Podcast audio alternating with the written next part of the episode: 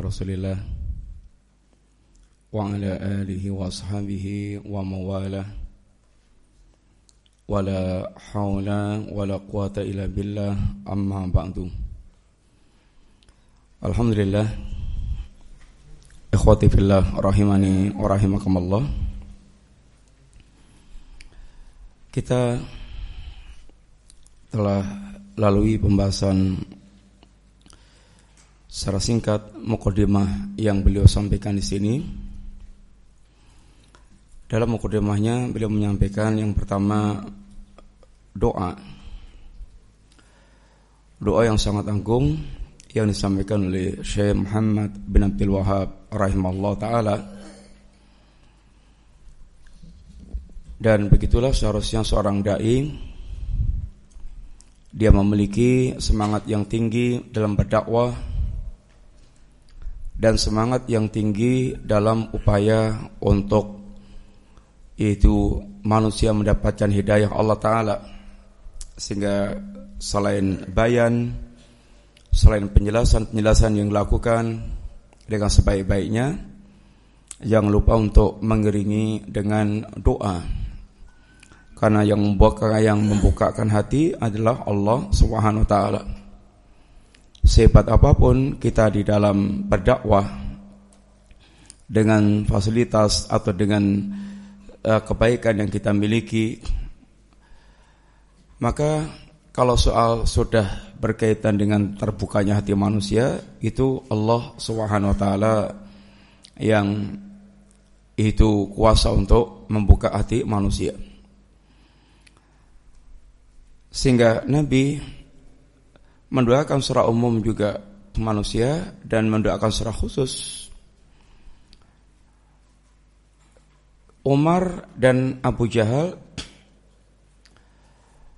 keduanya adalah orang yang sangat keras permusuhannya terhadap Rasulullah SAW.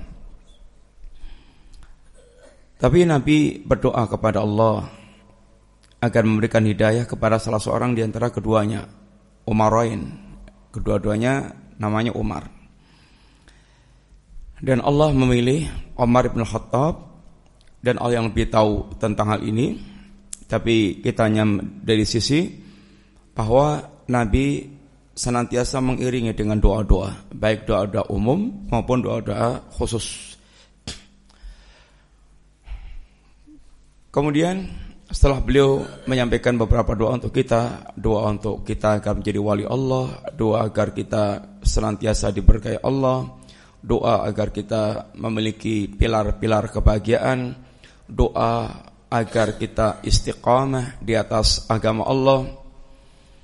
Kemudian beliau bawakan mukadimah yang kedua berkaitan dengan milah Ibrahim. Yang Nabiullah Ibrahim memiliki posisi yang strategis di antara Yahudi, Nasrani, dan orang-orang musyrikin. Dan dalam rangka untuk menunjukkan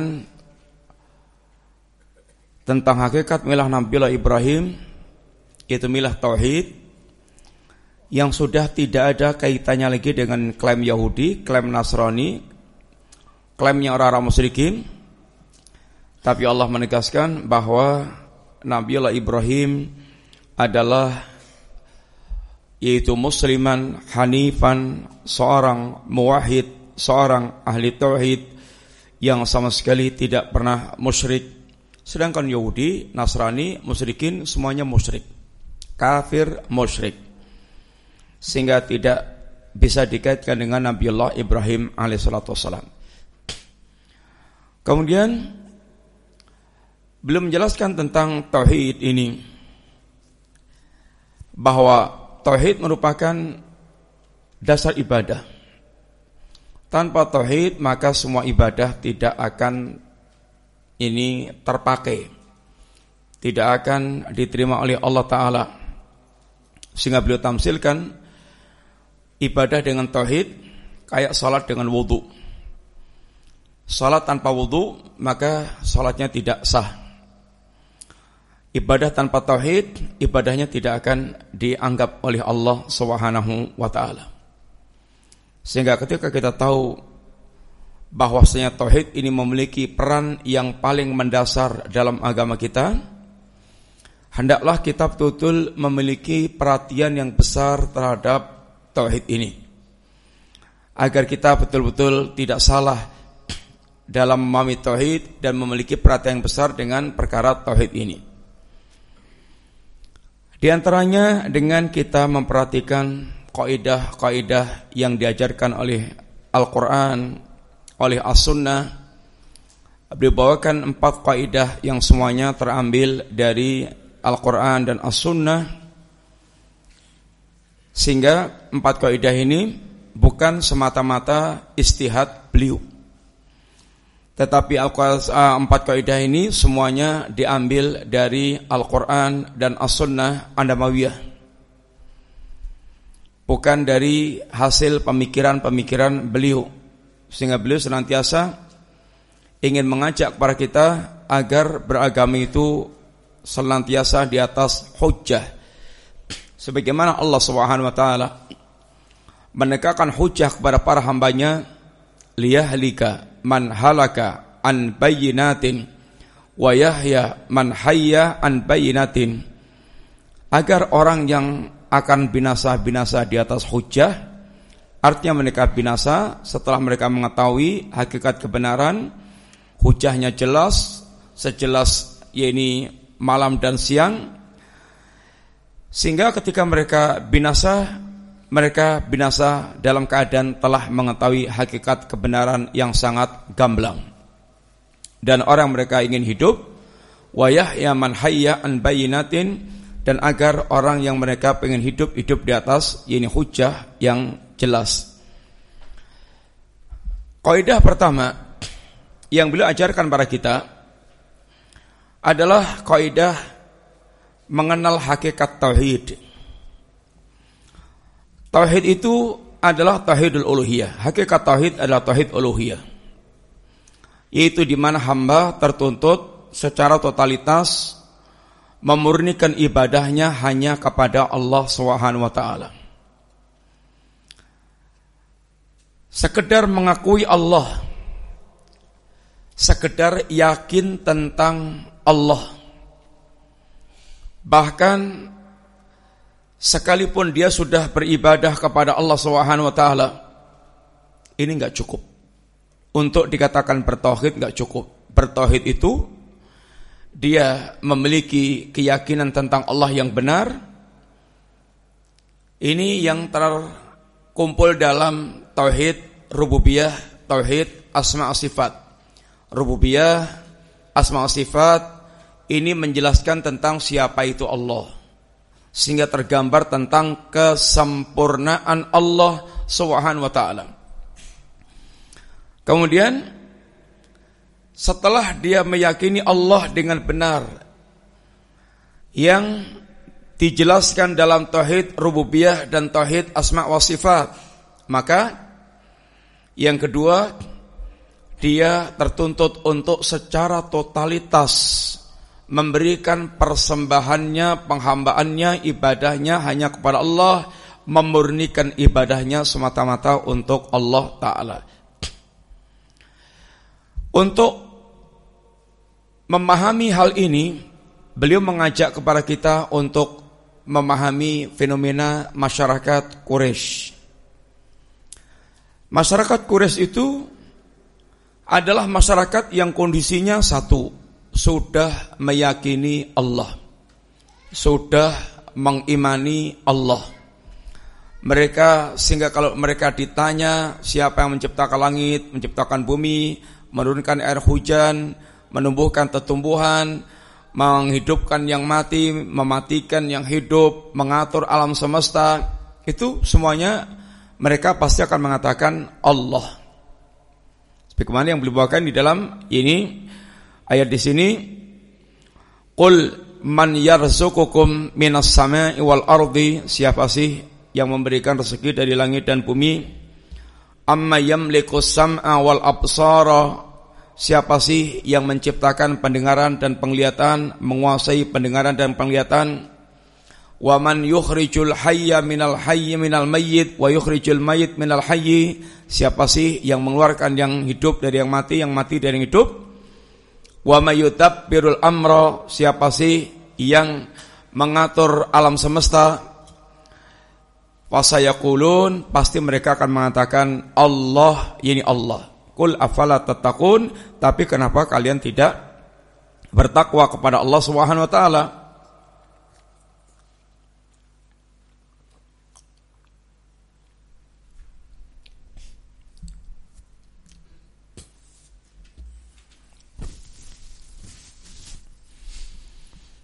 Ayat ini adalah menjelaskan tentang keyakinan orang-orang musyrikin tentang rububiyah Allah Ta'ala. Mereka sudah memiliki keyakinan-keyakinan tentang Allah. Bahkan, mereka bukan sekedar orang yang telah memiliki keyakinan tentang Allah Ta'ala. Mereka orang-orang yang memiliki berbagai macam ibadah kepada Allah Ta'ala. Mereka berhaji. Mereka berdoa mereka bernadar, mereka berpuasa, mereka bersodakoh, mereka tahu tentang kesucian. Ini adalah kondisi masyarakat Quraisy. Mereka berhaji, menjadi panitia haji dan mengundang manusia untuk berhaji. Walaupun hajinya penuh dengan syirik dan bid'ah, tapi mereka berhaji dan mereka bertalbiyah sebagaimana talbiyahnya kaum muslimin. Tapi ada tambahan-tambahan yang fatal labbaik la syarikalak sampai sini Nabi katakan kot kot cukup cukup. Sampai situ jangan ditambah-tambah lagi. Labbaik la syarikalak artinya ya Allah aku sambut seranmu ya Allah yang tidak ada sekutu bagimu. Sampai sini benar ini adalah tauhid. Tapi ada tambahan illa syarikan huwalak tamlikuhu wa ma malak. Kecuali syarikat yang kau miliki, engkau menguasai mereka dan mereka tidak menguasaimu. Ini tambahan yang fatal. Menisbatkan adanya syarikat bagi Allah Subhanahu wa taala. Mereka berhaji yaitu berhaji tawaf di Ka'bah. Kemudian mereka berdoa. Bahkan ketika mereka ini berdoa kepada Allah di saat mereka itu betul-betul terjebak pit satu masalah, mereka memurnikan doa mereka kepada Allah Ta'ala. Mereka murnikan doanya untuk Allah. Wa idha raqibu fil fulki da'awallaha mukhlisina lahuddin. Apabila mereka sedang berlayar di lautan, wa idha ghasyahu maujun qadzulal. Lalu mereka digulung oleh ombak lautan. Apa yang mereka lakukan? Da'awallaha mukhlisina lahuddin. Mereka berdoa kepada Allah dalam keadaan memurnikan.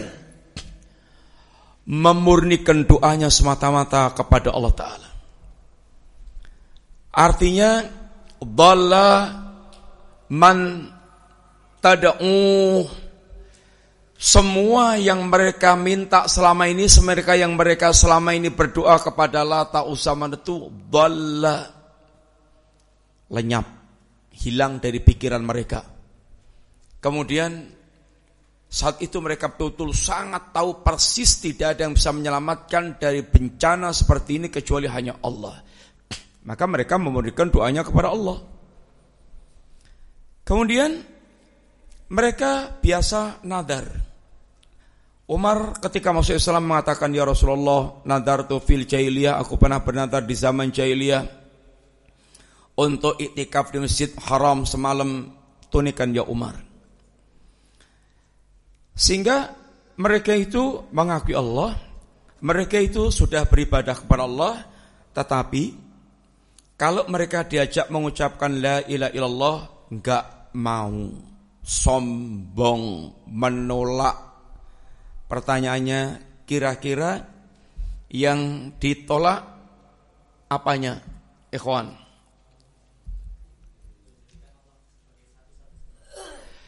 Yang ditolak itu adalah ajakan untuk memurnikan penghambaannya kepada Allah Ta'ala. Itu yang ditolak. Bukan sekedar ajakan untuk mengakui Allah, ini nggak ditolak. Mereka sudah mengakui Allah. Bukan sekedar ajakan beribadah kepada Allah, mereka sudah beribadah kepada Allah.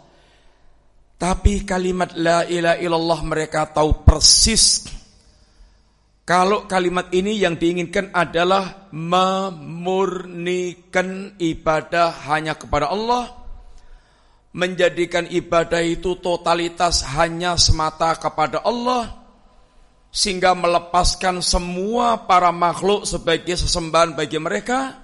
Sesembahan itu hanya Allah dan ya ini makhluk semuanya makhluk dia juga punya kewajiban beribadah kepada Allah Subhanahu wa taala. Silakan.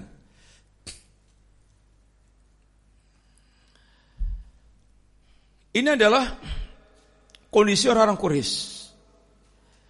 Sehingga beliau ingin menegaskan bahwa tauhid itu adalah sebagaimana namanya wahada, yuwahidu tauhidan ja'ala syai' wahidan. Tauhid itu menjadikan sesuatu itu tunggal. Maka tidak akan memiliki makna tauhid kecuali berkumpul dua rukun, an-nafyu wal isbat penolakan dan penetapan. Kalau tidak berkumpul dua ini namanya bukan tauhid. Contoh umpamanya kalimat dalam bahasa Indonesia yang memiliki yang memberikan makna satu-satunya. Kita pakai nama Pak Budi aja yang udah terkenal. Uh, Pak Budi duduk di masjid. Kalimat ini memberikan makna satu-satunya enggak? Ah, gimana? Enggak, kenapa? Ada Pak Budi yang lain. Kalimat ini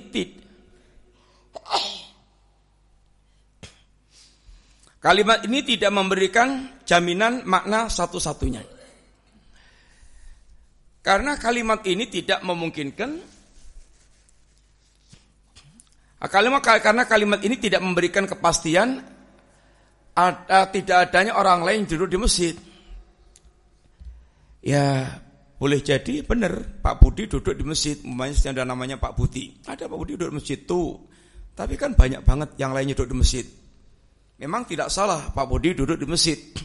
Tapi tidak memberikan makna hanya Pak Budi yang duduk di masjid. Beda dengan kalau kalimatnya tidak ada seorang pun yang duduk di masjid kecuali Pak Budi.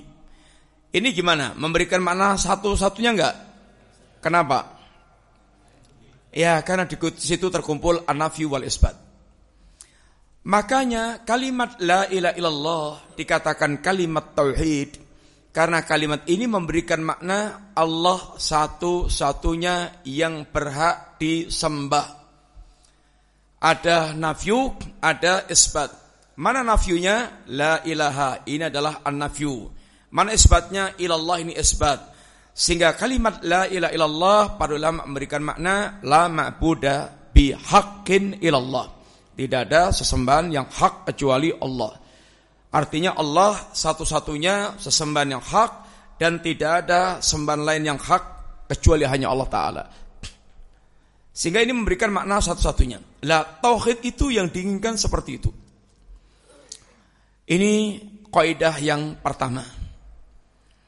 Beliau ingin menjelaskan tentang hakikat tauhid dengan kaidah yang pertama ini. Kemudian kaidah yang kedua. Annahum yaqulun mereka mengatakan ma da'awnahum wa tawajjahna ilaihim illa li talabil qurbah wasyafa'ah mereka mengatakan tidaklah kami berdoa kepada Lata, Usa, Manat kecuali semata-mata dalam rangka untuk mencari al-qurbah kedekatan wasyafa'ah dan syafaat.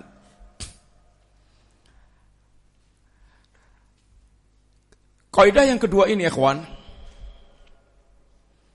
Beliau ingin menjelaskan kepada kita setelah kita tahu bahwasanya hakikat tauhid itu adalah memurnikan ibadah semata-mata kepada Allah taala. Ini hakikat tauhid kita sudah difahamkan.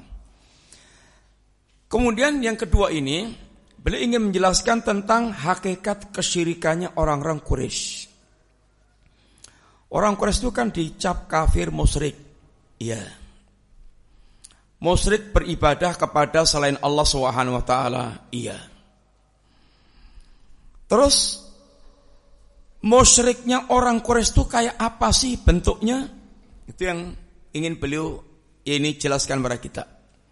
Supaya kita punya perbandingan dengan kelakuan kaum muslimin terhadap berkaitan dengan apa yang menjadi hakikat syiriknya orang-orang musyrikin Quraisy ini. Apakah ketika orang-orang musyrikin Quraisy menyembah Lata, Uzza, Manat, keyakinan mereka tentang Lata, Uzza, Manat seperti keyakinan mereka tentang Allah bahwa Uzza itu juga menciptakan Manat, Uzza atau Lata itu juga yaitu memberikan rezeki, mengatur alam semesta. Apakah keyakinannya seperti ini, ikhwan? Enggak. Kenapa? Hah? Karena orang Korea sudah berkeyakinan kalau hal-hal seperti itu mereka yakini itu Allah. Itu sudah mereka meyakini adalah Allah. Tetapi kok mereka dikatakan musyrik? Lah, musyriknya bentuknya seperti apa? Ini yang beliau jelaskan di sini.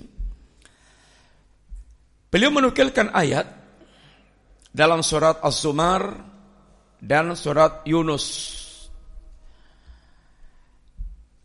Surat Az-Zumar lengkapnya itu ala lillaitinul khalis. Ini pembukaan surat Az-Zumar ayat yang ketiga ini. Ketahuilah bahwa agama Allah adalah agama yang murni.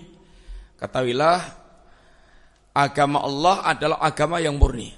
Kemurnian itu adalah agama Allah Subhanahu wa taala. Itu pengumuman yang Allah jelaskan pada kita Allah tidak menerima agama yang tidak dimurnikan untuk Allah Subhanahu wa taala. Kemudian walladzina takhadhu min dunihi dan orang-orang yang mereka menjadikan selain Allah sebagai sesembahan. Apa yang menjadi atau apa yang mereka lakukan dengan sesembahan-sesembahannya itu mana butuhum illa. Tidaklah kami menyembah mereka kecuali.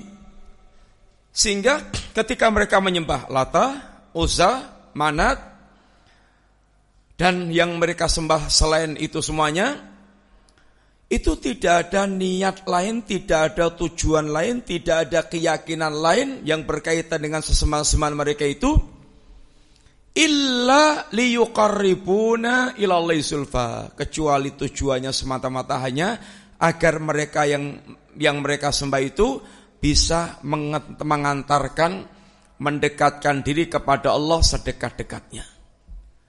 Alias status mereka ini adalah semata-mata sebagai perantara tidak mereka yakini sebagai pencipta yang mem yang mengurus alam semesta, yang memilikinya, tapi keyakinan mereka mereka semata-mata sebagai perantara.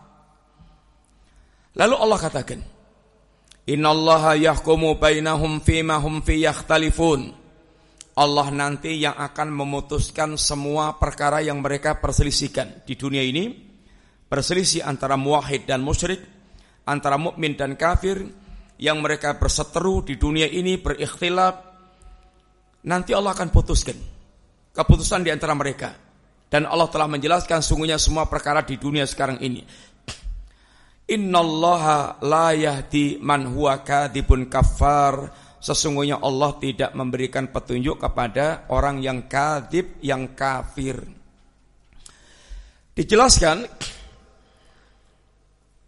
oleh para ulama kita, Allah tidak memberikan petunjuk kepada orang yang kadib. Artinya, mengambil perantara dalam beribadah kepada Allah itu adalah kedustaan. Allah tidak pernah membuat syariat menjadikan makhluk sebagai perantara yaitu menuju Allah Ta'ala. Ini adalah syariat dusta. Ini adalah kedustaan yang dibuat-buat. Kafar dan perbuatan seperti itu adalah kekafiran. Kekafiran. Ini adalah ini hakikat penghambaan mereka kepada selain Allah bentuknya seperti itu. Sehingga menjadikan makhluk ini sebagai perantara untuk mendekatkan diri kepada Allah tanpa keyakinan makhluk ini yang mencipta, menghidupkan, mematikan, memberikan rezeki, perbuatan seperti ini sudah perbuatan seperti ini adalah mengilahkan makhluk. Namanya mengilahkan makhluk. Mengilahkan makhluk. Walaupun tidak ada keyakinan sama sekali tentang yang dia sembah itu menciptakan, menghidupkan dan seterusnya. Tapi ketika mereka mengkeramatkan, menjadikan perantara sebagai sebagai perantara untuk mendekatkan kepada Allah, perbuatan mengambil perantara dari kalangan para makhluk dalam rangka mendekatkan diri kepada Allah seperti ini namanya mengambil ilah, menjadikan mereka sebagai ilah. Maka beliau ingin mengajak kita melihat fenomena yang ada di tengah-tengah kaum muslimin. Bandingkan dengan orang yang mereka ketika datang ke kuburan, lalu mereka apa itu namanya di situ bersimpuh, khusyuk, menumpahkan doa-doa, meminta kepada para wali, mereka menyampaikan segala hajat-hajatnya dengan penuh kekhusyukan dan keyakinan. Kalau mereka dikatakan kamu jangan musyrik, ya langsung jenggirat bisa langsung disampluk antum. Kemudian mereka mungkin akan menguraikan, saya itu nggak musyrik. Saya itu berkeyakinan tentang Allah Subhanahu wa taala. Saya itu ke sini bukan dengan keyakinan bahwasanya para wali itu menciptakan, mengurus alam semesta, kemudian memberikan rezeki, enggak. Saya tahu itu semuanya. Wali ini manusia biasa. Tapi wali ini adalah orang suci yang dekat dengan Allah. Dan wali ini adalah orang yang nanti saya harapkan syafaatnya. Saya hanya menjadikan para wali ini sebagai perantara buat kami untuk mengantarkan kepada Allah, mengangkat hajat-hajat kami kepada Allah Ta'ala. Kalau seperti itu kondisinya, maka ketahuilah perbuatan seperti itu persis plek, plek nggak ada bedanya belas dengan orang-orang musyrikin Quraisy. Sehingga justru yang seperti itulah hakikat syiriknya orang-orang Quraisy. Orang-orang Quraisy ketika mereka menyembah sesembahan mereka tidak ada keyakinan mereka bahwa yang mereka sembah itu adalah dia yakini sebagai mencipta, menghidupkan, mematikan dan seterusnya. Tapi statusnya menjadikan sebagai perantara. Pertanyaannya, ikhwan. Mungkin antum ada pernah yang menjadi aktivis kuburan? Keliling-keliling ke kubur itu. Kira-kira atau mungkin kalau antum pernah apa yang dilakukan oleh orang-orang yang datang ke kuburan para wali sehingga diluruk jauh-jauh itu sengaja didatangi kuburannya bahkan ada yang keliling senusantara dan berbangga kalau dia sudah mengunjungi semua kuburan yang ada. Ya apa sih yang dilakukan di sana itu? Apa ya kawan? Apa Pak? Ngalap berkah. Ngalap berkahnya gimana? Gimana? Iya terus?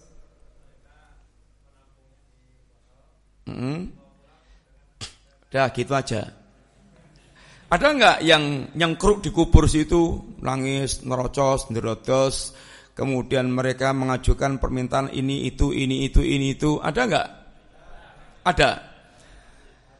Ya orang yang mereka datang ke kuburan itu mungkin macam-macam bentuknya itu. Ada yang sekedar pengen tahu kuburan wali, ada yang sambil ngalap berkah, ada yang mereka mungkin berdoanya kepada Allah, tapi dia yakin kalau di samping kuburan wali itu akan makbul, akan lebih terkabul, sehingga kuburan lebih padat dibandingkan dengan masjid. Tapi ada yang lebih parah lagi, dengan mereka ke situ minta-minta, menyampaikan hajatnya, berdoa, Walaupun keyakinannya bukan wali ini yang yang memberikan semuanya, tapi wali ini akan jadikan sebagai perantara untuk mendekatkan kepada Allah atau mengangkat hajat-hajat mereka. Kalau memang itu yang dilakukan, itu sesungguhnya persis plek dengan modelnya orang-orang musyrikin Quraisy. Ah, kaidah yang kedua ini beliau ingin merangkan yaitu yang hakikat syiriknya orang musyrikin Quraisy seperti itu. Sehingga Jangan sangka atau jangan pernah tergambar ketika mereka menyembah yang mereka sembah ini disertai dengan keyakinan karena mereka yakin Pa'alata Uzza Manat itulah yang menciptakan, menghidupkan, mematikan, mengurus alam semesta sama sekali enggak. Tapi mereka eh, menjadikan mereka dikatakan musyrik itu karena mereka menjadikan makhluk sebagai perantara untuk mendekatkan kepada Allah yang Allah tidak pernah sama sekali mengangkat perantara di kalangan para makhluk dalam beribadah kepada Allah Ta'ala. Sehingga dikatakan kadib, ini dusta. Kalau seandainya mereka kemudian punya syubhat, dan ahlul bid'ah itu pasti punya dalil, tapi bukan dalil sesungguhnya, tapi syubhat.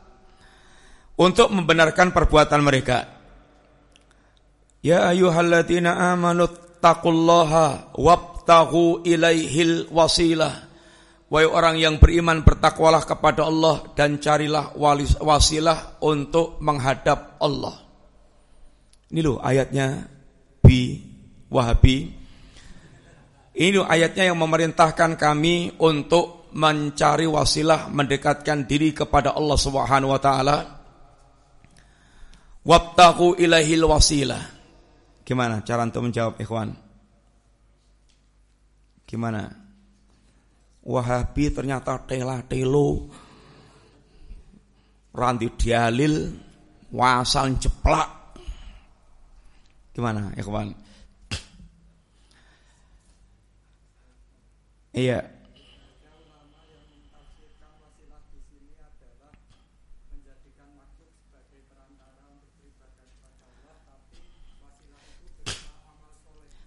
Iya. Ayat di sinilah pentingnya memahami ayat dengan kaidah yang benar. Makanya dalam uh, perkataan para salaf beragama itu kuncinya atau kunci beragama itu tiga. Al-Quran, As-Sunnah dengan pemahaman para salaful ummah, ini para sahabat Nabi. Hilangnya kunci yang ketiga ini itu akan menjadi pangkal kesesatan dalam beragama. Tidak mau memahami Al-Quran dan Sunnah seperti pemahaman para salaf. Ini para sahabat Nabi Rasulullah jami'an. Contohnya di antaranya adalah ayat tadi. Wabtahu ilahil wasilah. Carilah wasilah menuju Allah. Kalau antum tidak mengembalikan kepada pemahamannya para salaf, para sahabat Nabi, para ulama yang betul-betul mengikuti para sahabat, maka akan terkecoh dengan ya ini dalil yang mereka tampilkan.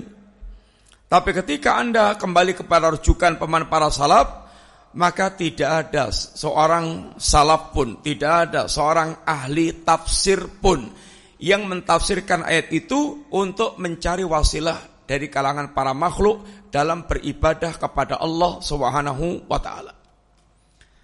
Maka di sini wajibnya memahami agama dengan cara yang benar. Dan siapa pun yang mereka meninggalkan kunci yang ketiga yaitu memahami agama dengan yaitu pemahaman para sahabat salaful ummah pasti dia akan sesat sesuai dengan kadar mereka seberapa jauh mereka meninggalkan pemahaman para sahabat Nabi Rasulullah alaihim jami'an. Maka Imam Ahmad beliau berdalil dengan pemahaman para salaf ini untuk menjatuhkan Ahmad bin Abi Duat seorang ulama Mu'tazilah.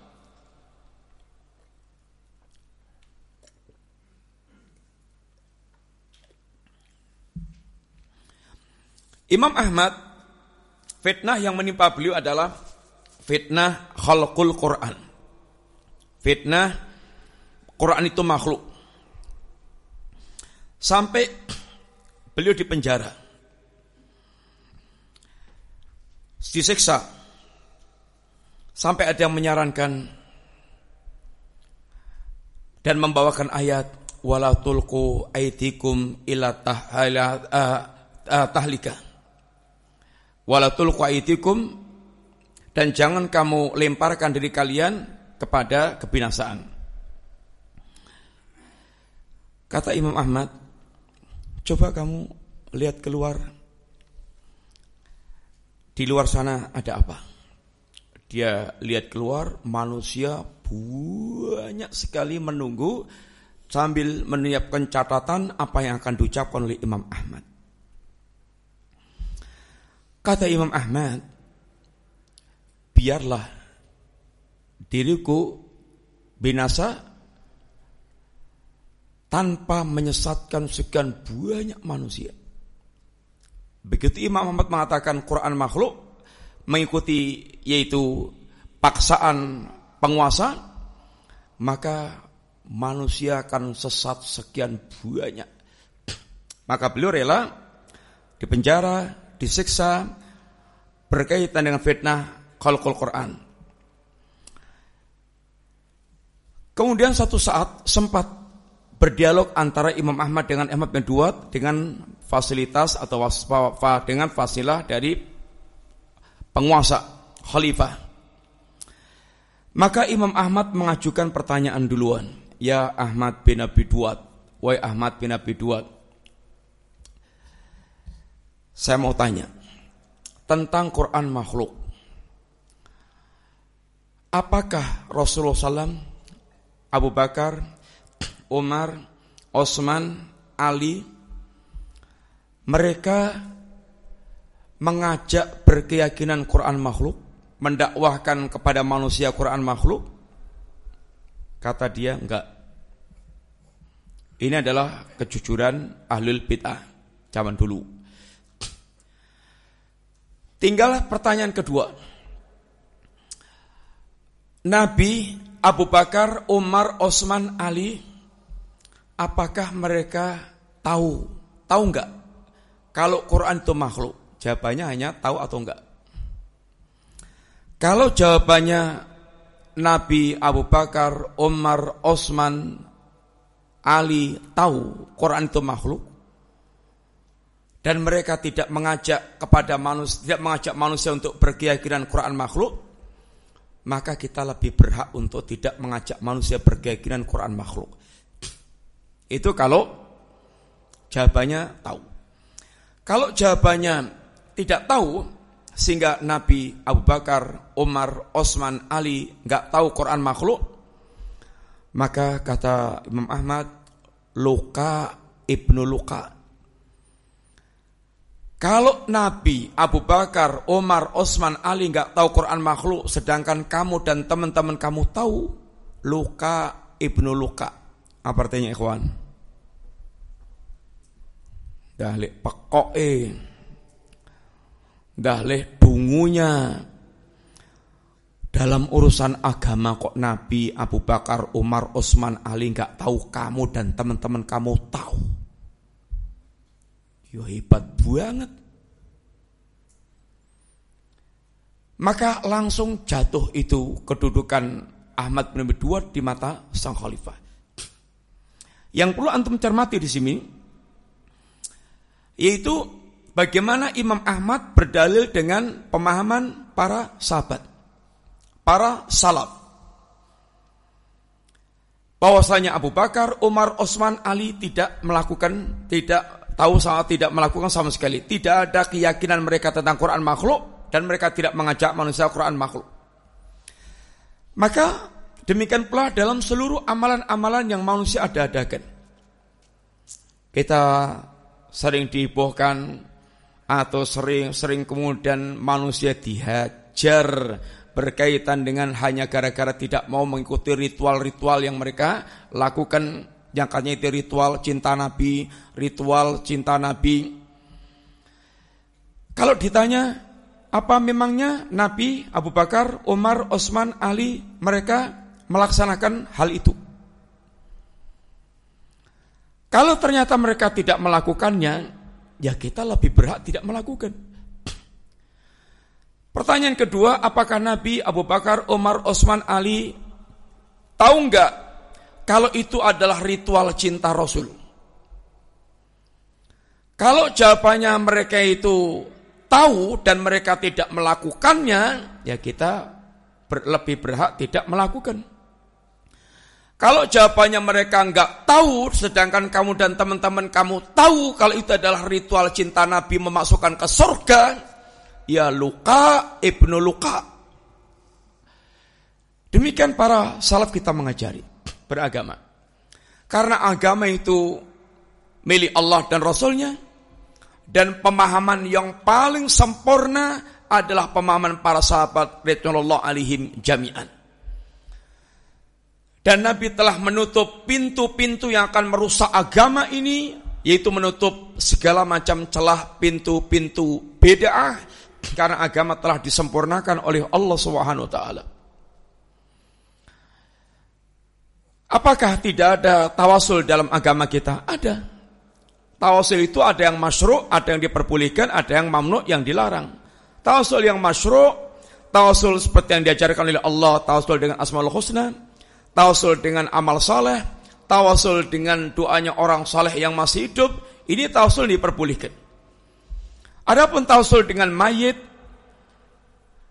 apalagi meminta kepada mayit, ini adalah tawasul syirik yang dilarang oleh Allah atau tawasul-tawasul bid'ah yang lainnya. Sehingga ayat yang wabtagu ilaihil wasilah wasilah di sini maksudnya adalah amal-amal saleh yang akan bisa mendekatkan diri kepada Allah Subhanahu wa taala sehingga mereka menjadi dekat kepada Allah sedekat-dekatnya dengan amal-amal yang telah ditunjukkan Allah, amal-amal wajib, amal-amal sunnah seperti yang dijelaskan Nabi di dalam hadis wali. Kemudian adapun dalil syafaat wa dalil syafaat dalil tentang syafaat. Syafaat itu artinya adalah penggenapan Asyafu artinya genap. Lawan daripada al-witru ini ganjil. Asalnya orang ini sendirian dalam berdoa kepada Allah, maka dengan syafaat pihak ketiga maka digenapkan. Ya ada syafaat ini Allah pihak pertama, kemudian yang berdoa pihak kedua, yang memberikan syafaat ini pihak ketiga. Ah, syafaat itu artinya adalah menggenapkan. Lawannya adalah al-witrul ganjil. Orang yang tadi yang berdoa kepada Allah sendirian, kemudian ada syafi, ada syafaat, maka dia menjadi, ya ini digenapkan. Syafaat ini, dalam prinsip masalah syafaat ikhwan, para ulama menjelaskan secara singkat, satu, syafaat itu totalitas milik Allah Ta'ala. Syafaat itu totalitas milik Allah Ta'ala. Walillahi syafa'atu jami'an. Dan semua syafaat itu adalah milik Allah. Malaikat nggak punya, nabi nggak punya, wali nggak punya, orang soleh nggak punya, yang punya syafaat hanya Allah Ta'ala. Karena hanya Allah yang punya syafaat, maka tidak boleh syafaat itu diminta kecuali hanya kepada Allah. Ini yang pertama. Yang kedua, adapun ketika kita tahu nanti dari kiamat Nabi memberikan syafaat, malaikat memberikan syafaat, syuhada memberikan syafaat, apa status mereka? Status mereka bukan pemilik syafaat Status mereka adalah orang yang dimuliakan oleh Allah dengan pemberian syafaat kepada yang lain. Sehingga mereka memberikan syafaat itu bukan karena mereka memiliki syafaat, tapi karena mereka diberikan oleh Allah kesempatan memberikan syafaat kepada orang lain. Sehingga statusnya adalah pemuliaan Allah kepada mereka untuk memberi syafaat kepada yang lain. Statusnya adalah mereka orang-orang yang dimuliakan Allah dengan memberikan berhak memberikan syafaat kepada orang lain. Yang ketiga, mereka yang Allah berikan hak memberikan syafaat itu, mereka tidak akan bisa memberikan syafaat kepada orang lain kecuali setelah diizinkan Allah kepada orang yang diridhai oleh Allah. Jadi syaratnya dua. Mereka hanya akan bisa memberikan syafaat kepada yang lainnya apabila satu telah diizinkan Allah, yang kedua orang yang akan diberi syafaat itu diridhai oleh Allah Subhanahu taala. Dan Allah tidak pernah meridhai orang musyrik sehingga syafaat itu hanya berlaku kepada ahli tauhid. Ini adalah prinsip yang berkaitan dengan ya ini syafaat. Sehingga apabila dia tidak mendapatkan izin Allah, maka hak untuk memberikan syafaat itu menjadi tidak berguna. Tidak bisa dia memberikan syafaat jika belum diizinkan Allah. Maka Allah katakan dalam ayat Wakam min malakin fis samawati la tughni syafa'atum syai'an illa min ba'di ayatan Allah liman yasha'u wa yarda.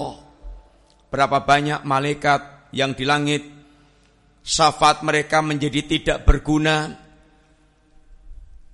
Syafaat mereka tidak berguna sedikit pun kecuali setelah diizinkan Allah dan Allah ridhoi orang yang akan diberikan syafaat itu.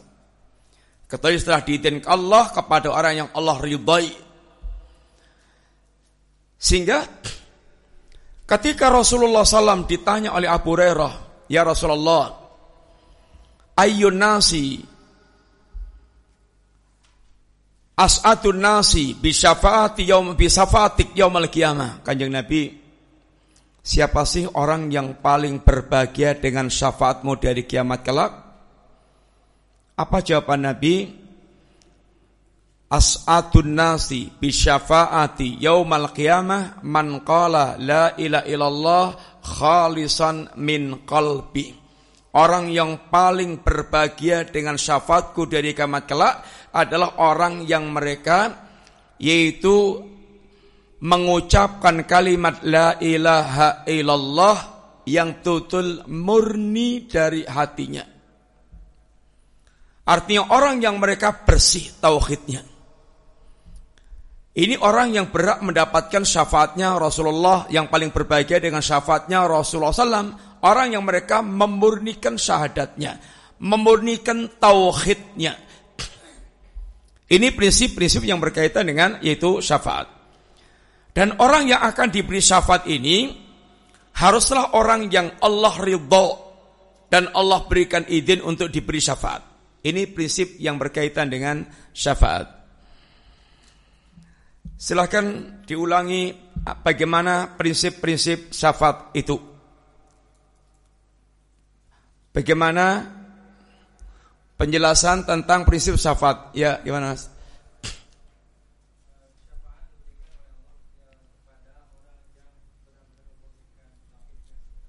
Tadi ada berapa prinsip? Ada berapa prinsip? Pertama, kedua, ketiga.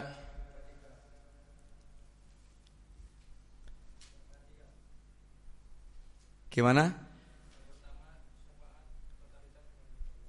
Ya, pertama syafaat itu adalah totalitas milik Allah Subhanahu wa taala. Terus artinya apa?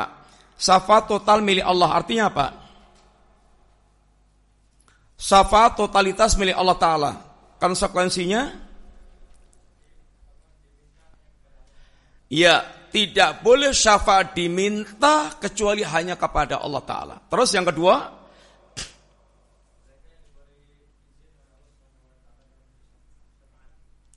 gimana? Ya maksudnya gimana? Orang yang Allah berikan izin Allah yang berikan izin, orang yang Allah berikan izin memberikan syafaat. Terus maksudnya apa? Status mereka apa? Gimana? Orang yang Allah berikan izin memberikan syafaat ini bukan pemilik syafaat tapi statusnya orang yang dimuliakan Allah memberikan orang dimuliakan Allah yaitu dengan memberikan syafaat. Statusnya adalah orang yang dimuliakan oleh Allah. Pemuliaan Allah. Sehingga tidak boleh pula kita meminta syafaat kepada mereka karena mereka tidak punya syafaat. Status mereka adalah orang-orang yang dimuliakan Allah dengan memberikan syafaat. Terus apa lagi?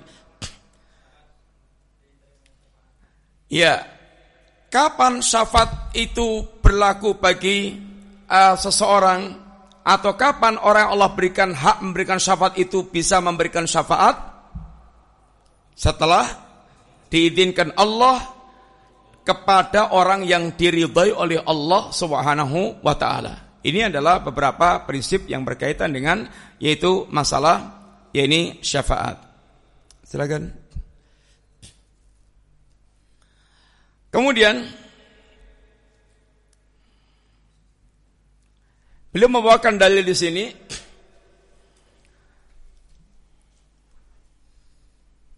Wa dalilu syafa'ah qauluhu ta'ala adapun dalil syafaat adalah firman Allah taala wa ya'buduna min dunillahi ma la yadhurruhum wa la yanfa'uhum wa yaqulun haula'i syufa'auna indallah mereka yang menyembah selain Allah ini mereka sesungguhnya tahu bahwa yang mereka sembah itu ma la yadhurruhum wa la yanfa'uhum tidak bisa menolak madarat, tidak bisa memberikan manfaat. Tapi apa keyakinan mereka tentang para sembahan itu? Haula syufa'auna indallah. Mereka adalah para pemberi syafaat kami di sisi Allah Ta'ala. Sehingga prinsip yang kedua ini beliau ingin menegaskan kepada kita, hakikat syiriknya orang-orang musyrikin Quraisy ketika mereka menyembah Lata, Usa, Manat, itu adalah status yang mereka sembah ini semata-mata sebagai perantara untuk mendekatkan diri kepada Allah Ta'ala sedekat-dekatnya dengan keyakinan mereka adalah para pemberi syafaat di sisi Allah Ta'ala. Ini adalah keyakinan mereka tentang yang mereka sembah. Maka yang dikatakan menyembah selain Allah itu tidak mesti disertai dengan keyakinan bahwa yang dia sembah itu diyakini mencipta, mengurus alam semesta, dan seterusnya. Tapi kalau sampai ada orang yang mereka meyakini bahwa ada selain Allah yang juga mengurus alam semesta, berkuasa, maka tingkat syiriknya lebih parah dibandingkan dengan musyrikin di zaman Rasulullah Sallallahu Alaihi Wasallam. Kemudian kita masuk pada kaidah yang ketiga. Kaidah yang ketiga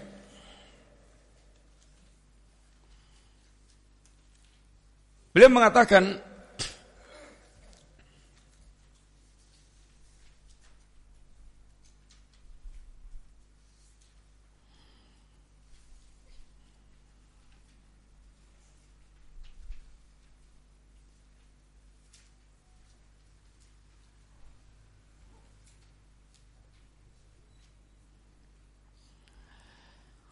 Anda Nabiya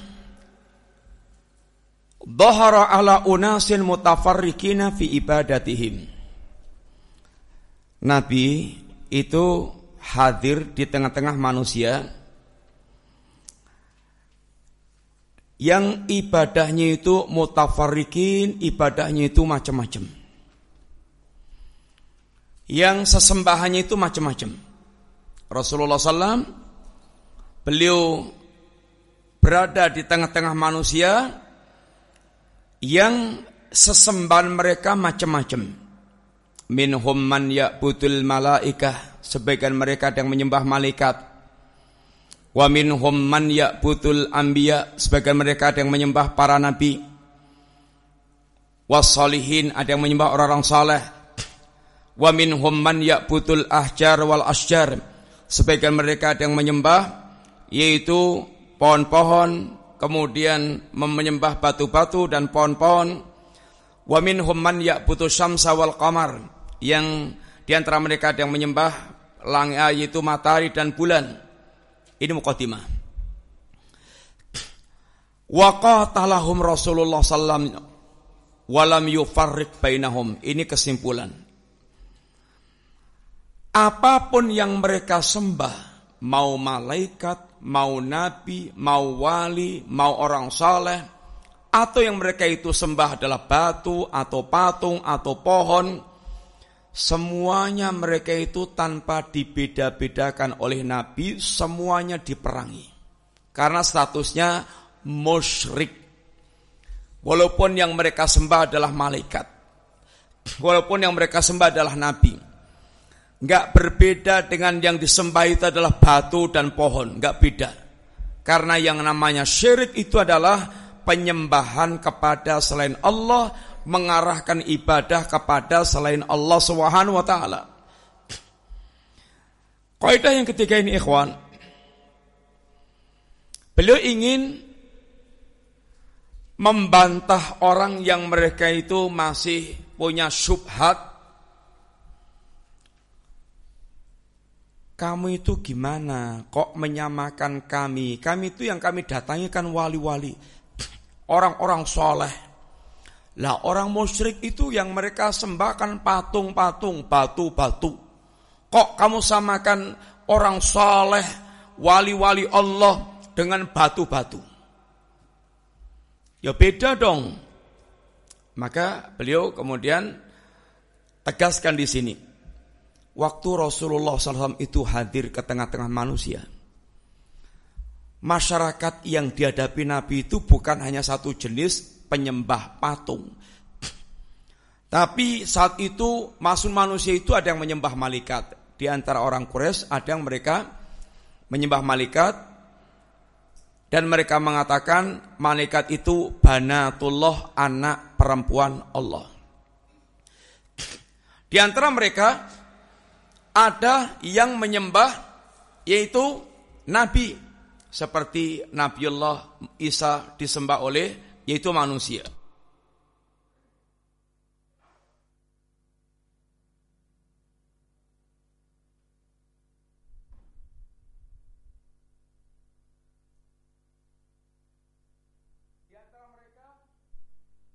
Di antara mereka ada yang menyembah yaitu wali orang-orang saleh. Bahkan sejak zaman Nabiullah Nuh yang namanya Wat, Suwa, Yaghus, Ya'uq, Nasran ini adalah orang-orang saleh yang disembah oleh manusia. Di antara mereka pula ada yang menyembah batu, pohon, kemudian kuburan. Semua mereka itu satu nama yaitu musyrikin dan mereka semuanya diperangi Rasulullah SAW tanpa membeda-bedakan tanpa membeda-bedakan. Ikhwanillah, ini perkara pula yang harus difahami setiap muslim. Sehingga kaidah ketiga ini beliau ingin menjelaskan tentang hakikat syirik. Hakikat syirik. Syirik itu adalah memalingkan ibadah kepada selain Allah apa pun yang dipalingkan atau apa pun sesembahan yang mereka sembah itu. Siapa pun dan apa pun selain Allah itu. Sehingga ada satu ayat yang mengajarkan para kita wa annal masajida lillah fala tad'u ma'allahi ahadan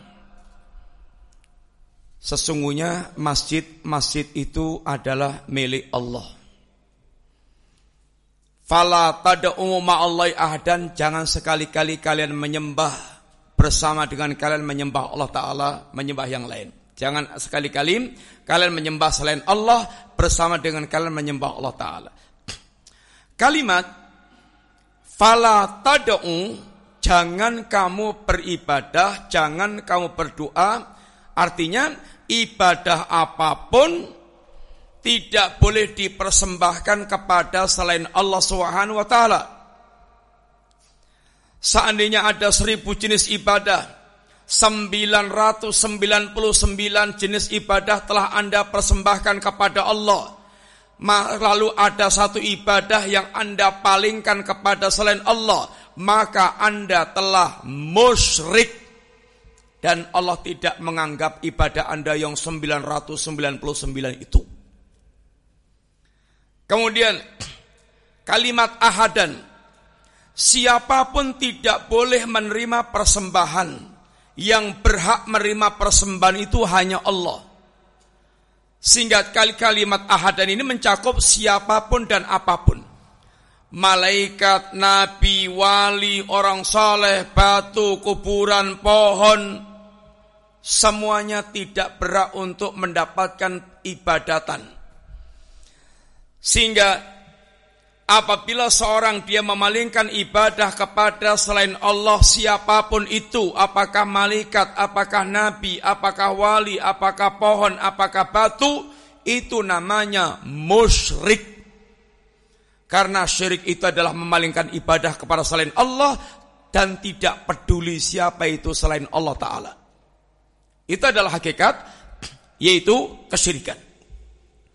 Sehingga jangan terkecoh. Lah kan yang saya datang ini wali. Siapa pun yang Anda datangi itu yang Anda persembahkan ibadah itu kepadanya, kalau itu selain Allah itu namanya musyrik. Tidak pandang bulu, apakah itu nabi, wali, malaikat, orang saleh. Sehingga Rasulullah SAW memerangi semua yang mereka musyrik yang menyekutukan Allah dengan selain Allah sehingga Yahudi diperangi, Nasrani diperangi, orang kafir musyrik diperangi, siapa pun yang menjadi sesembahan mereka maka mereka adalah masuk dalam status musyrik dan mereka diperangi oleh Rasulullah sallallahu alaihi wasallam. Kemudian beliau membawakan satu persatu dalil untuk membuktikan bahwa di antara mereka ada yang menyembah matahari, bulan, kemudian bintang, menyembah yaitu pohon, batu, malaikat, nabi dan seterusnya. Wa dalilu syamsi wal qamar. Adapun dalil tentang matahari dan bulan adalah firman Allah taala Wa min ayati al-lailu wan nahar wa syamsu wal qamar la tasjudu li syamsi wal qamar. Di antara tanda-tanda kekuasaan Allah adalah siang, malam dan siang, matahari dan bulan. Jangan kamu sujud kepada matahari dan bulan, tapi wasjudu lillahi ladzi khalaqahunna, tapi sujudlah kepada Allah yang menciptakan itu semuanya. Makhluk sehebat apa pun itu makhluk. Dan kehebatan makhluk itu memang menunjukkan tanda kekuasaan Allah Ta'ala.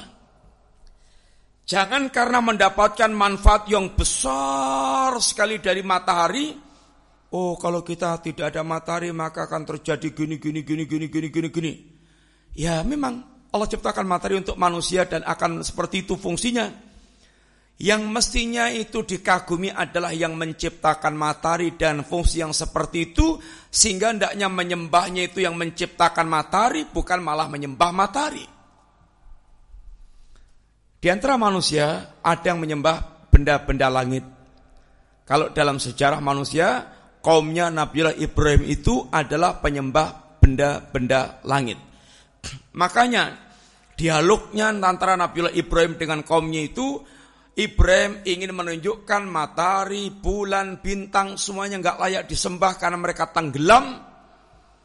Nabiullah Ibrahim ini berdialog dengan materi benda-benda langit.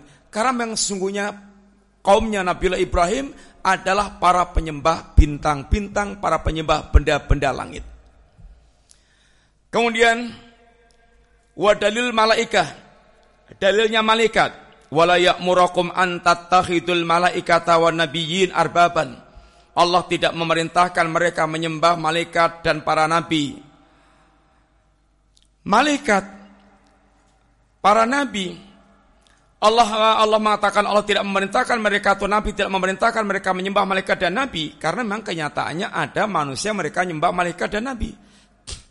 Sebagaimana orang-orang Quraisy mereka di antara mereka ada yang berkeyakinan malaikat adalah banatullah, yaitu anak-anak perempuan Allah. Dan demikian pula di antara manusia yang menyebut kepada Nabi seperti Nabiullah Musa, eh, Nabiullah Isa alaihissalam yang dikatakan adalah Allah, dikatakan Nabi Isa adalah anaknya Allah. Orang-orang Bani Israel juga di antara mereka mengatakan Uzair adalah ibnullah, anaknya Allah. Sehingga ada fenomena kenyataan di mana sebagian manusia menyembah para nabi dan menyembah malaikat. Wa dalil anbiya Dalilnya apa penyembahan kepada Nabi. Wa id qalallahu ya Isa ibna Maryam dan ingatlah ketika Allah mengatakan ya Isa ibna Maryam. Wa Isa ibnu Maryam. A anta qulta nasi apakah engkau yang mengatakan kepada manusia ittakhiduni wa ummiya ilahaini min dunillah jadikanlah aku dan anak uh, dan ibuku kedua uh, jadikanlah aku dan ibuku menjadi yaitu dua ilah selain Allah taala. Maka ketika Allah menyata, mengatakan kepada Nabiullah Isa bertanya kepada Nabi Isa seperti itu kata Nabi Isa subhanak maksudnya kau ya Allah ma an aqula ma laisa li aku ma, tidak pernah mengatakan apa yang bukan menjadi hakku ya Allah. In kuntu qultu faqad alimta. Seandainya aku pernah mengatakan pasti engkau tahu ma ta'lamu ma fi nafsi wala a'lamu ma fi Engkau tahu yang ada dalam diriku dan aku enggak tahu apa yang ada dalam dirimu ya Allah. Innaka anta alamul ghuyub. Engkau zat yang maha mengetahui perkara yang gaib. Bahkan Nabiullah Isa tidak menyerukan kecuali tauhid. Ma qultu lahum illa ma amartani bi. Tidak ada yang aku serukan kepada mereka kecuali yang kau perintahkan kepadaku. Apa itu? Ini u'budullaha rabbi wa rabbakum. Sembahlah Allah yang Allah itu Rabbku dan Rabb kalian. Wa dalilu salihin. Dalilnya orang ada penyembahan orang-orang saleh. Allah mengatakan, "Ulaikal ladina yad'una yabtaghuna ila rabbimul wasilah." Mereka yang sesembahan yang mereka sembah. Mereka sendiri, sesembahan yang mereka sembah itu, mereka sendiri sedang mencari cara untuk dekat kepada Allah sedekat-dekatnya. Ayuhum akrab. Siapa di antara mereka yang betul-betul dekat dengan Allah dengan amal yang mereka lakukan itu? Wa yarjuna rahmatah dan mereka mengharapkan rahmat Allah wa yakhafuna adzabah dan mereka itu takut kepada Allah. Ada nabi sembah, ayat ini berkaitan dengan uh, tafsiran para ulama. Di antara tafsirannya ayat ini bicara tentang Nabiullah Isa. Nabiullah Isa yang mereka sembah Nabi Isa sendiri itu sedang mencari cara untuk mendekatkan diri kepada Allah sedekat-dekatnya. Nabi Isa berharap rahmat Allah, Nabi Isa juga takut kepada Allah. Kok jadikan sesembahan? Yang kedua, ayat ini berkaitan dengan jin yang tadinya disembah oleh manusia. Lalu jin ini masuk Islam dan manusianya masih tetap menyembah jin tersebut.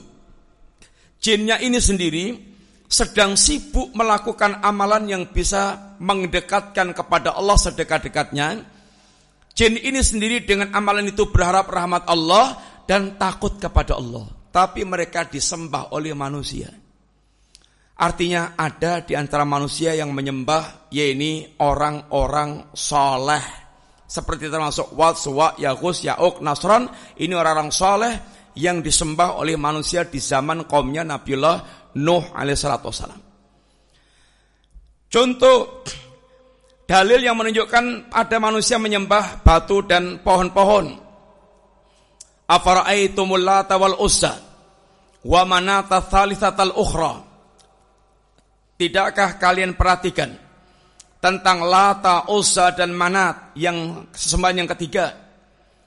Lata, Uzza, Manat. Apa itu bentuknya? Lata itu dulunya diterangkan la tayalutu dari orang yang punya kebiasaan mengadon gandum untuk dibagikan gratis kepada ini manusia saat itu sehingga dikenal orang yang soleh setelah mati kuburannya eh, dijadikan sebagai sesembahan disembah mereka datangi untuk tabaruk kemudian mereka eh, sembah menjadi akhirnya menjadi sembahan itu lata bentuknya adalah batu yang dikeramatkan Uzza bentuknya pohon yang dikeramatkan.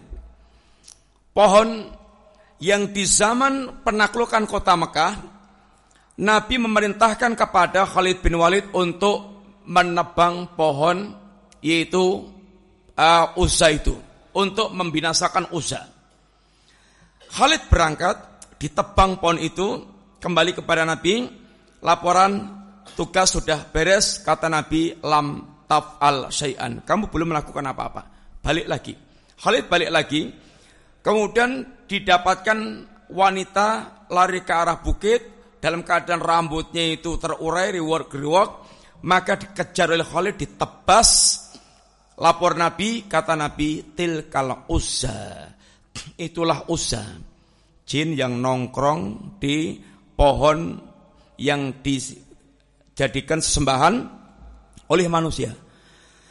Berapa atau betapa banyaknya pohon keramat yang ditongkrongi oleh jin-jin dalam rangka untuk memplekoto manusia yang mendatangi pohon-pohon keramat tersebut dianggapnya dapat wahyu dapat wangsit, dapat wahyu, dapat suara goib, itu jin. Itu setan yang mempelekodo mereka. Apa yang mereka inginkan seakan terkabul. Ini adalah itu olah daripada para jin. Artinya ada pohon yang disembah, yang dikeramatkan. Di zaman kita juga banyak pohon yang dikeramatkan. Kemudian Hadis Abi Waqid Al-Laythi. Beliau seorang sahabat pemula menceritakan tentang dirinya. Kharaj nama'an Nabi SAW ila Hunain. Saya keluar bersama dengan para dengan Nabi di lembah atau di perang Hunain, ke lembah Hunain. Dan dia ceritakan wa nahnu khudatsa'u ahdin bi kufrin saat itu kami sedang keluar dari masa kekafiran. Ini ikhwan, beliau mengambil udur seperti ini dan memberikan faedah orang yang baru hijrah dari latar belakang uh, sesat atau syirik atau bid'ah atau maksiat itu backgroundnya itu kadang masih sering mewarnai dia. Tingkat awalnya sudah pengen memang hijrah.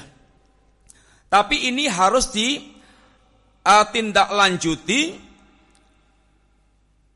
dengan taklim, dengan belajar sehingga betul-betul dia faham tentang hakikat ajaran Islam. Jangan baru hijrah kemudian diajak keliling ceramah.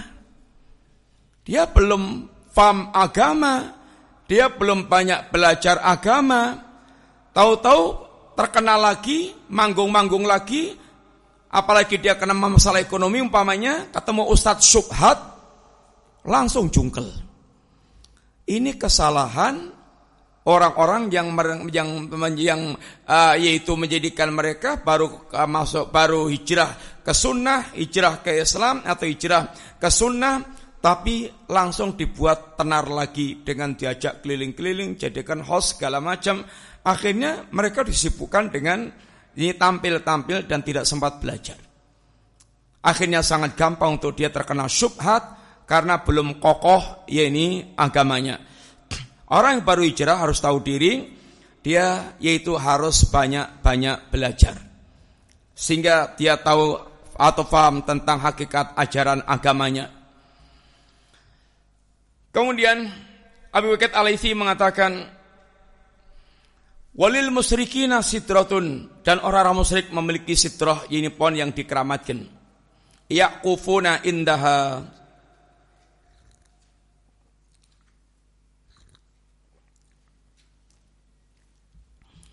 Yang orang-orang musyrik ini biasa iktikaf di pohon tersebut, duduk merenung di situ, tabaruk dalam rangka untuk ngalap berkah. Wayanutu nabiha aslihatahum dan menggantungkan senjata mereka ke pohon itu untuk ngalap berkah supaya tambah moncereng sakti mendapatkan berkahnya pohon itu. Pohon itu dinamai dengan Datu Anwat yuqalu laha datu anwat. Namanya datu anwat. Kemudian famarorna bisitrotin kami pun melewati pohon itu. Fakulnya kami mengatakan ya Rasulullah ija'al lana data anwat kamalaum datu anwat. Ya Rasulullah mbok dibuatkan untuk kami yaitu Datu Anwat sebagaimana mereka memiliki Datu Anwat. Nabi pun bertakbir terkejut dengan permintaan Abu Waqid Al-Laythi kok ya isa-isannya kok ya bisa-bisanya? Minta sesuatu yang justru akan mengundang kemurkaan Allah yang paling murka yaitu syirik. Kultum kama kalat Bani Israel. Yang kamu minta itu kayak yang diminta Bani Israel kepada Musa. Ya Musa ij'al lana ilan kamalum aliyatun qala inakum qaumun tajhalun. Ini penjelasan beliau untuk membuktikan bahwa di kalangan manusia ini memang ada yang menyembah kepada malaikat, ada yang menyembah nabi, ada yang menyembah wali, ada yang menyembah pohon, ada yang menyembah batu, semuanya dianggap sama oleh nabi, mereka satu kelas yaitu kelas musyrikin yang wajib untuk diperangi sampai mereka mentauhidkan Allah Subhanahu wa taala. Ini adalah kaidah yang ketiga.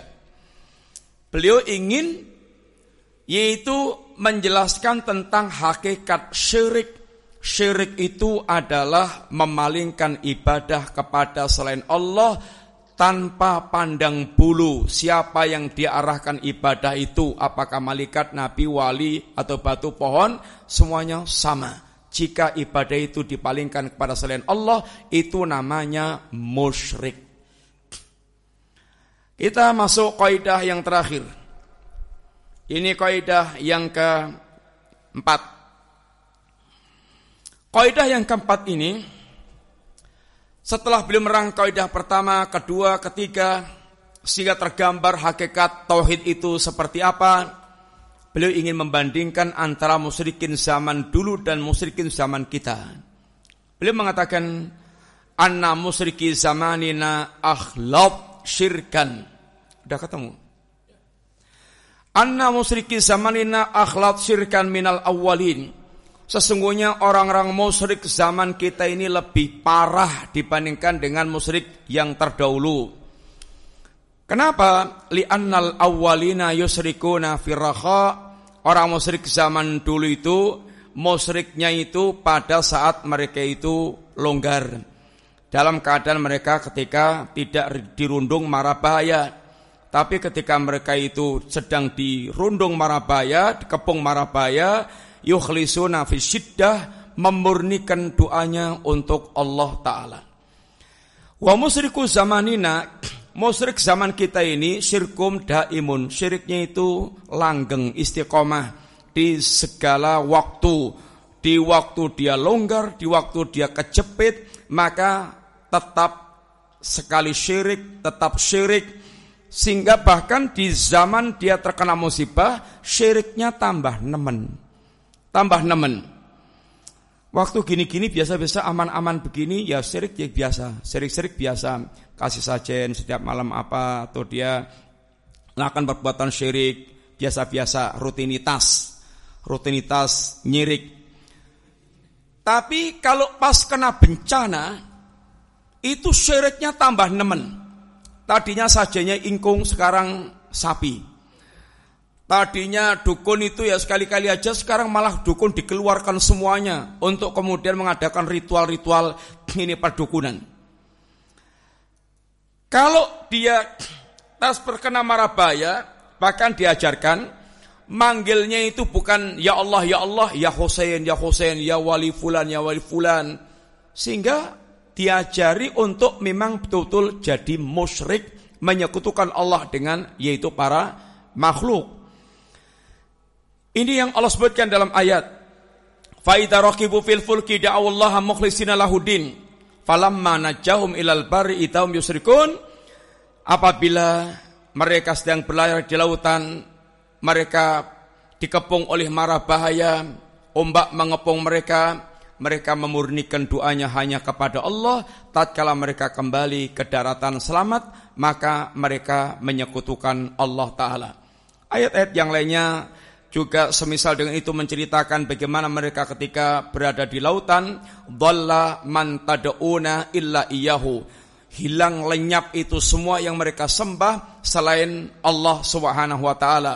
Mereka tinggal mengingat Allah Subhanahu wa taala tapi begitu selamat mereka berpaling dari ini tauhid berpaling dari menyembah Allah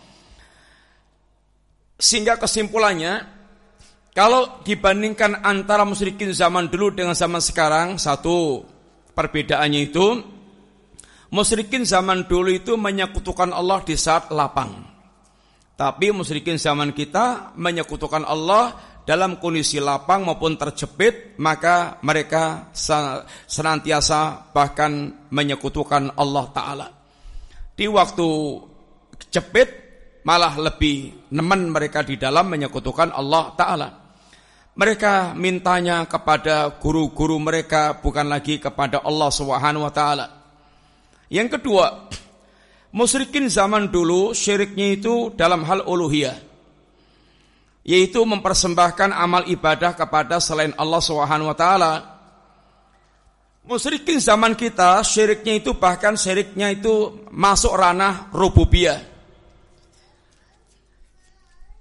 Orang sekarang bukan sekedar menjadikan makhluk sebagai perantara, tapi disertakan disertai keyakinan makhluk ini yang akan bisa yaitu melakukan yaitu memiliki kekuasaan-kekuasaan yang itu semata-mata adalah kekuasaan Allah. Sehingga musyriknya sudah dalam hal rububiyah. Ada keyakinan namanya wali kutub. Wali kutub ini dianggapnya adalah wali yang mengurusi alam tertentu. Sehingga punya kewilayah kekuasaan alam tertentu. Ini adalah syirik dalam hal rububiyah. Yang ketiga, musyrikin zaman dulu itu mereka menjadikan sesembahnya itu semata-mata perantara untuk mengantarkan kepada Allah, tapi musik zaman sekarang justru langsung minta kepada ya ini yang disembah itu.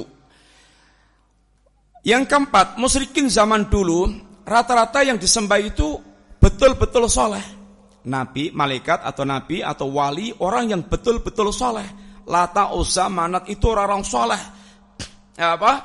Uh, Wat Suwa Yagus Syauk Nasran itu orang-orang soleh. Sebagaimana kata Nabi, ya kata Ibnu Abbas. Tapi orang yang sekarang dianggap wali itu kadang murakbal. Agamanya maut-maut, akidahnya maut, pemikirannya maut, ibadahnya maut. Enggak ada kesan orang yang bertakwa sama sekali kesannya itu segleng. Bahkan dianggap wali orang yang keluar koloran tok sambil udut nonton dangdut dianggap wali. Sehingga orang tabaruk kepada orang yang modelnya seperti ini. Sesungguhnya menganggap orang gila itu menjadi wali itu sudah ada di zaman Syekhul Islam Tunaimiyah, Ibnu Taimiyah. Sehingga beliau menulis yaitu uh, wali bukan orang gila, orang gila bukan wali. Karena untuk syarat untuk orang itu melaksanakan syariat agama Allah itu akalnya harus waras. Wong edan ya nggak masuk dalam tataran orang yang terkena beban syariat kok malah bisa jadi wali. Sehingga ini lebih rusak dibandingkan dengan ya ini musyrikin pada zaman ya ini dulu. Wali yang dianggap wali sekarang keluyurannya ke klub-klub malam, ke tempat-tempat dugem dan segala macam itu dianggap ya ini wali. Kemudian musyrikin zaman dulu faham tentang kalimat la ilaha illallah sehingga nolak diajak itu mengucapkan itu nolak. Sedangkan para pelaku syirik di zaman kita kadang-kadang ahli la ilaha illallah ribuan kali mengucapkan dengan lisannya tapi prakteknya justru adalah praktek-praktek kesyirikan. Musyrikin zaman dulu sadar 100% kalau dia itu menentang Nabi. Tapi musyrikin zaman kita sekarang ini dia menyangka orang yang mencintai Nabi padahal musyrik. Padahal musyrik. Orang zaman dulu menentang musyrik dan mereka sadar persis menentang Nabi. Orang zaman sekarang dia bersama dengan syiriknya itu mereka sangka adalah mencintai Nabi, mencintai wali. Makanya menjadi terbalik-balik. Yang tauhid itu dianggap uh, bentuk nggak punya adab kepada para wali, nggak punya pengagungan kepada para wali nggak punya kecintaan kepada para wali. karena tidak mau mendatangi kuburannya, tidak mau meminta-minta kepada penghuni kubur tersebut, ini dianggap ya ini tidak beradab, bersikap kasar, kemudian bersikap yaitu ya tidak berakhlak, tidak mencintai para wali. Sedangkan yang mereka datang ke kubur, minta-minta depis di situ, minta-minta, dia menggantungkan harapannya kepada penghuni kubur, ini dianggap sebagai pemulia pemulia para wali, orang, orang memuliakan wali, mencintai wali, kemudian uh, sangat beradab dalam beragama, sama dengan orang yang kalau orang tuanya meninggal hanya di uh, mandikan, dikafani, disalatkan, dikuburkan, lalu tinggal doa masing-masing, itu dianggapnya kayak ngubur kucing. Tapi kalau dia itu melakukan ritual ini, ritual itu, orang tuanya betul-betul disubyo-subyo kematiannya dengan segala macam bentuk acara ritual kematian, itu dianggap berbakti kepada orang tua. Sehingga membuat istilah-istilah sendiri. Demikian ikhwan sekilas tentang ini Risalah Al-Qawaidul Arba eh, dengan singkat telah kita sampaikan dan bisa dibaca sendiri nanti penjelasan-penjelasan ini selengkapnya sehingga mudah-mudahan Allah memberikan yaitu hidayah irsyad kepada kita semakin difahamkan Allah tentang tauhid dan diberikan hidayah taufik untuk bisa mewujudkan tauhid di dalam kehidupan kita. Bagaimana cara menjadikan, eh, bagaimana cara me? Menjelaskan bagaimana cara menjelaskan kepada masyarakat awam istilah menyembah selain Allah Ta'ala. Ya mesti penjelasan ya dijelaskan bagaimana bentuk-bentuk penyembahan selain Allah yang dijelaskan Quran dan Sunnah. Contoh, Allah Subhanahu Wa Taala menamai menjadikan ulama sebagai rujukan halal haram yang jelas-jelas Al-Quran itu menyelisihinya, menyelisih Al-Quran, dia tetap mengikuti ulama, itu namanya nyembah ulama. Ini namanya menyembah ulama, walaupun dia tidak eh, tidak berkeyakinan ulama itu yang menciptakan langit, bumi. Dijelaskan itu hakikatnya adalah menyembah ulama seperti itu. Walaupun tidak pakai sujud kepada ulama. Tapi ulama ini mengharam, menghalalkan yang haram, mengharamkan yang halal. Lalu kita mengikuti kepada ulama tersebut. Ini sudah dianggap nyembah ulama. Termasuk seperti tadi. Al-Quran mengajarkan para kita. Menjadikan mayat sebagai perantara kepada Allah. Mendekatkan diri kepada Allah. Itu dinamai Quran menyembah kepada yaitu mayat tersebut. Ya jelaskan dengan penjelasan Al-Quran dan Sunnah hakikat menyembah itu seperti apa biar punya gambaran. Yang Al-Quran menjelaskan bagaimana Al-Quran menjelaskan hakikat menyembah. Sehingga menyembah itu tidak mesti di, uh, diiringi dengan keyakinan dia yang menciptakan langit, menciptakan bumi, tapi terangkan uh, bentuk-bentuk yang sudah terjadi yang dikatakan menyembah itu seperti apa. Ya kayak Bani Israel, minta kepada Musa, "Ya Musa, ij'alana ilahan kamalum aliyatun." Ya Musa, mbok kita dibuatkan ilah. Apa dia minta? Ya Allah, ya Musa, mbok kita dibuatkan Gusti Allah. Kan enggak mungkin. Masa Musa menciptakan Gusti Allah atau membuatkan Gusti Allah untuk mereka. Maka meminta kepada Musa untuk dibuatkan ilah yaitu tempat-tempat keramat yang bisa mungkin dia jadikan simbol penyembahan kepada Allah atau jadikan sebagai bentuk perantara dan semisalnya seperti yang dilakukan oleh orang-orang musyrik. Dia tinggal menjelaskan bagaimana hakikat menyembah yang diajarkan oleh Al-Quran dan As-Sunnah. Sering sering mereka tidak mengakui kalau mereka meminta kubur Tuhan menyembah. Makanya dijelaskan, Qurannya gini loh. Kamu salah karena selama ini kamu didoktrin yang namanya menyembah itu pengertiannya gini. Itu pengertian salah. Maka diluruskan menyembah itu begini termasuk menyembah. Begini terus menyembah, ya sama dengan mamanya orang apa ya? Mamanya mendem itu kalau ngombe ini ciu sak liter. Pengertiannya gitu. Pokoknya kalau nggak liter mendem itu nggak dikatakan mendem. Kalau hanya cicip-cicip, kalau hanya apa rong cangkir, telung cangkir dianggap tidak mendem. Istinya intinya adalah meluruskan istilah. memahamkan, meluruskan istilah. Ya kayak la ilaha illallah. Orang fahamnya itu la ilaha itu ya pokoknya pengakuan Tuhan itu satu. Itu tok. Lah, Anda punya tugas untuk merubah pengertian itu menuju pada pengertian yang benar seperti diajarkan oleh Quran dan Sunnah.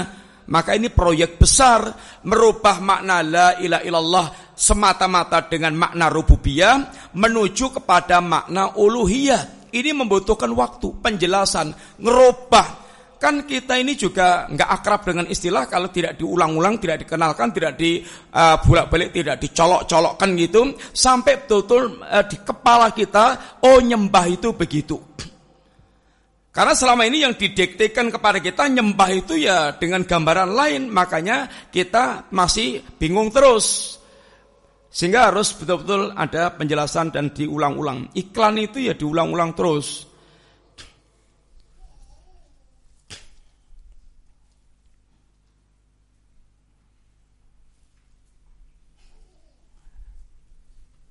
Bisa dibacakan ya mas? Hmm.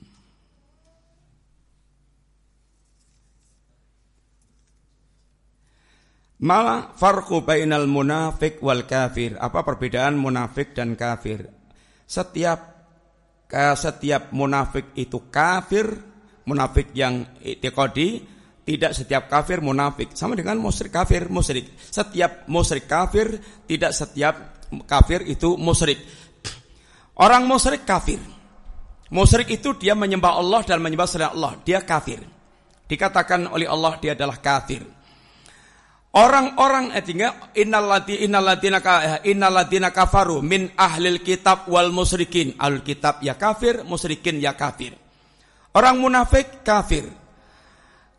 Sehingga Allah kumpulkan munafik dan orang kafir dalam satu lembah jahanam. Karena orang munafik itu nipu dengan dohirnya dan menyembunyikan kekafiran dalam hatinya. Ibtaunul kufri menyembunyikan kekafiran, wa harul Islam dan menampakkan keislaman. Tapi kedua memakai hakikatnya adalah kafir. Sehingga Allah katakan, "Innallaha jami'ul munafikina wal kafirina fi jannama jami'an."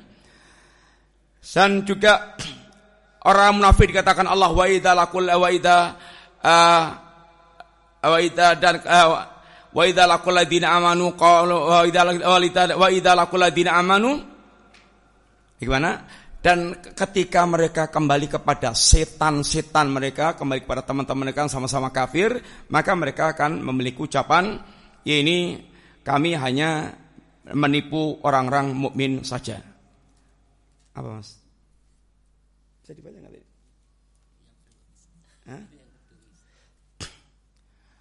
Apa bentuk solawat yang justru hulu dan berlebihan?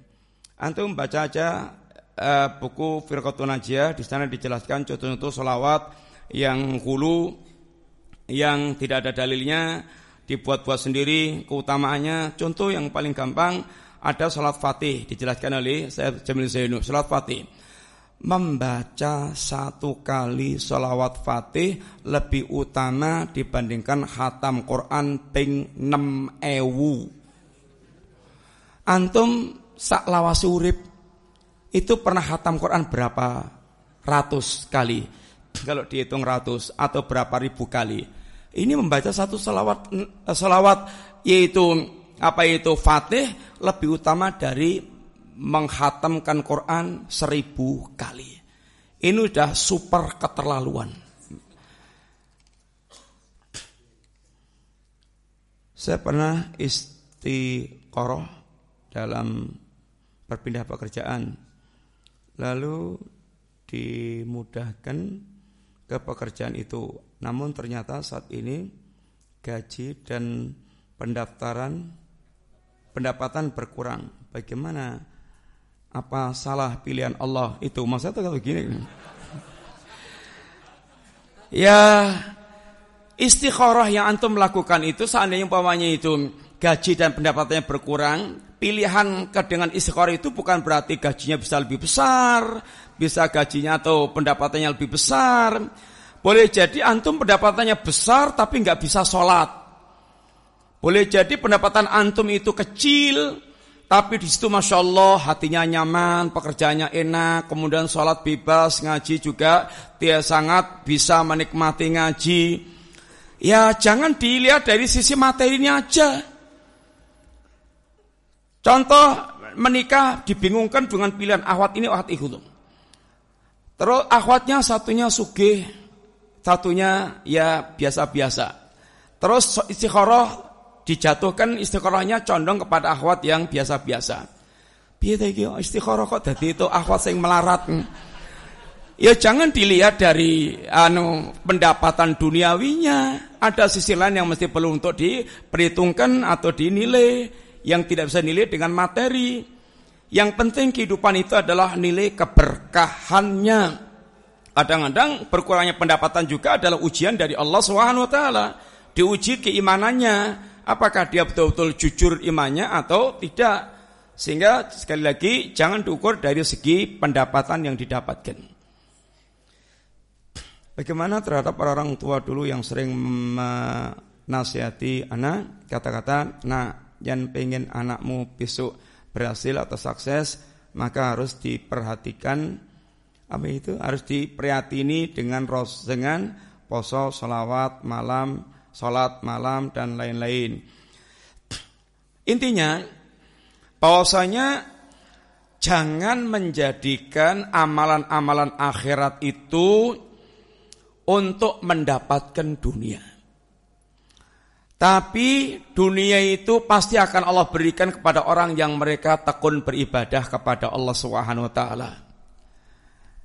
Untuk kaspar bas mau baru lamar pekerjaan, nah kowe arek golek gawean to, salat malam iki dikencengi, posone dikencengi, gen ketompo, bar ketompo tinggal kabeh.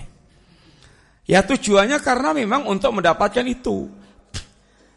Kita harusnya melakukan hal-hal seperti itu harapan pertama adalah akhirat. Sehingga semangatnya itu semangat untuk mendapatkan akhirat. Dunia pasti akan Allah beri. Sehingga termasuk kesalahan dalam memberikan semangat sotako sotako supaya dapat nanti berlipat-lipat berlipat 10 kali sotako sak yuto itu 10 yuto 10 yuto itu 100 yuto. Akhirnya ketika nggak dapat ngamuk. Karena harapannya adalah hanya perkara ini dunia tersebut. Apakah teisme termasuk bentuk syirik zaman eh, ini lebih parah? Ateisme kekafiran. Ateisme itu adalah hanya bentuk doirnya saja tidak mengakui Allah, sungguhnya batin mereka mengakui Allah SWT. Ateisme kekafiran. Syirik beda dengan kufur, tapi setiap musyrik kafir, tidak setiap kafir itu adalah musyrik. Wallahu ta'ala alam bisawab. Demikian ikhwan, mudah-mudahan manfaat. InsyaAllah kita bertemu di lain waktu. Mudah Allah semoga Allah mudahkan kita untuk senantiasa berada di majelis-majelis kebaikan dan semoga Allah senantiasa membimbing kita khususnya yaitu semangat di dalam memahami hal-hal yang pokok dari agama kita karena itu adalah modal pokok utama kita untuk selamat dunia dan akhirat. Beragama itu harus ada prioritas. Prioritas pertama harus paham akidah tauhid agar punya modal ini mentauhidkan Allah dan tidak menyekutukan Allah sebelum kita kemudian lebih dalam memperhatikan, mempelajari yaitu ilmu-ilmu yang lainnya. Jazakumullah khair, sekali orang minta maaf. Wassalamualaikum Muhammadin. Uh, ini masih ada satu hadiah. Menghabiskan hadiah ini aja. Siapa yang bisa menyebutkan empat kaidah yang telah kita sampaikan dengan ringkas? Itu. Yang kedua yang pertama kata tauhid. Tauhid itu apa hakikatnya? Ya, totalitas memberikan ibadah kepada Allah, ini memberikan ibadah semata untuk Allah. Yang kedua, penjelasan tentang hakikat syiriknya orang-orang musyrikin Quraisy gimana? Ya, menjadikan makhluk sebagai perantara. Terus yang ketiga, penjelasan tentang apa? Bahwa sesembahan orang-orang musyrik yang diperangi Nabi itu macam-macam, bukan hanya berhala saja. Sehingga apa pun jenis sesembahannya selain Allah yang disembah itu adalah musyrik namanya walaupun malaikat, nabi, wali dan seterusnya. Terus yang keempat, Ya Nabi atau beliau membandingkan antara musyrikin zaman dulu dengan zaman sekarang yang ternyata secara umum lebih parah kesyirikan orang zaman sekarang dibandingkan syiriknya pada orang zaman dulu. Demikian, Assalamualaikum warahmatullahi wabarakatuh.